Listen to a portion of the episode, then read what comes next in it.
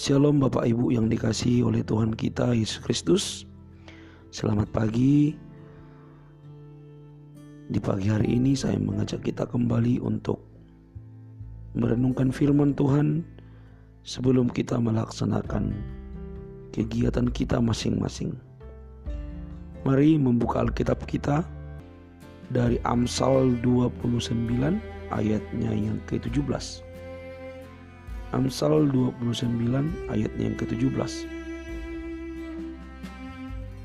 Didiklah anakmu maka ia akan memberikan ketentraman kepadamu dan mendatangkan sukacita kepadamu.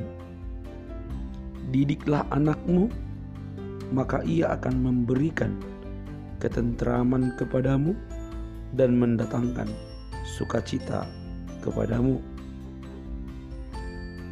warisan yang terbaik ialah nilai-nilai rohani dari hidup orang tua yang dicontohkan akan tertanam dalam hati anak yang kemudian akan berbuah.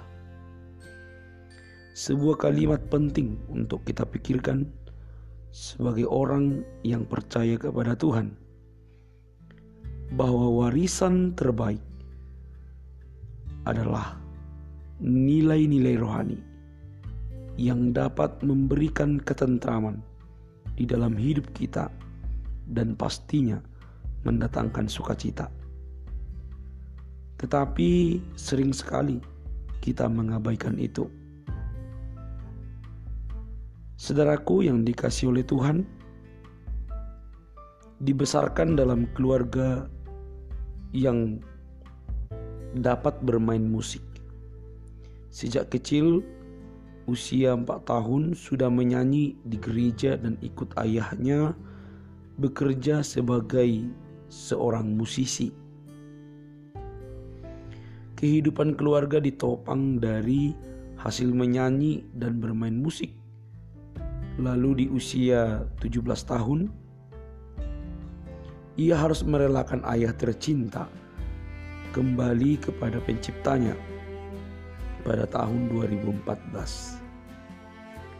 Sang tulang punggung keluarga telah tiada. Sebagai anak laki-laki satu-satunya, mau tidak mau harus rela membiarkan masa mudanya mengganti sang ayah menjadi tulang punggung bagi keluarga, mama dan tiga saudara perempuannya. Di saat teman-teman sebayanya bermain sebagaimana anak seusianya, dia harus bekerja untuk memenuhi keperluan keluarganya. Didikan dan nilai-nilai rohani serta prinsip hidup berhasil ditanamkan sang ayah dan ibunya. Setelah menjadi juara satu ajang pencarian bakat tahun 2017, ia juga harus rela menerima kenyataan. Kakaknya pada bulan April dan ibunya pada bulan Desember kembali kepada Sang Pencipta hanya berselang 8 bulan pada tahun 2018. Lagi-lagi ujian berat harus dilalui anak muda itu. Aku percaya bahwa setelah hujan ada pasti ada pelangi. Demikian ungkapan MS Kamaleng, juara Racing Star, pelantun lagu yang sedang viral, cinta luar biasa, dan lagu yang banyak ditonton dan di cover penyanyi lain. Hanya rindu, lagu untuk sang mama. Iya, Masa muda anak-anak ditentukan oleh bagaimana orang tua mewariskan nilai-nilai rohani ke dalam hidup seorang anak. Amsal 22 ayat 6 Didiklah orang muda menurut jalan yang patut baginya. Maka pada masa tuanya pun ia tidak akan menyimpang daripada jalan itu. Didiklah anak muda menurut jalan yang patut baginya. Maka pada masa mutuanya ia tidak akan menyimpang daripada jalan itu. Kesaksian Emes memberikan konfirmasi betapa pentingnya didikan rohani dan teladan hidup orang tua bagi anak-anaknya. Bersyukur dalam situasi hidup seperti itu, ditinggal ayah, kakak, dan ibunya bukanlah hal yang mudah, tetapi dia masih bisa berkata bersyukur yang selalu diucapkannya. Begitulah ketika anak-anak dididik dengan baik dan benar, mereka akan meneruskannya dalam perjalanan hidup mereka yang penuh tantangan dan cobaan. Dan ini menjadi perenungan kita di pagi hari ini.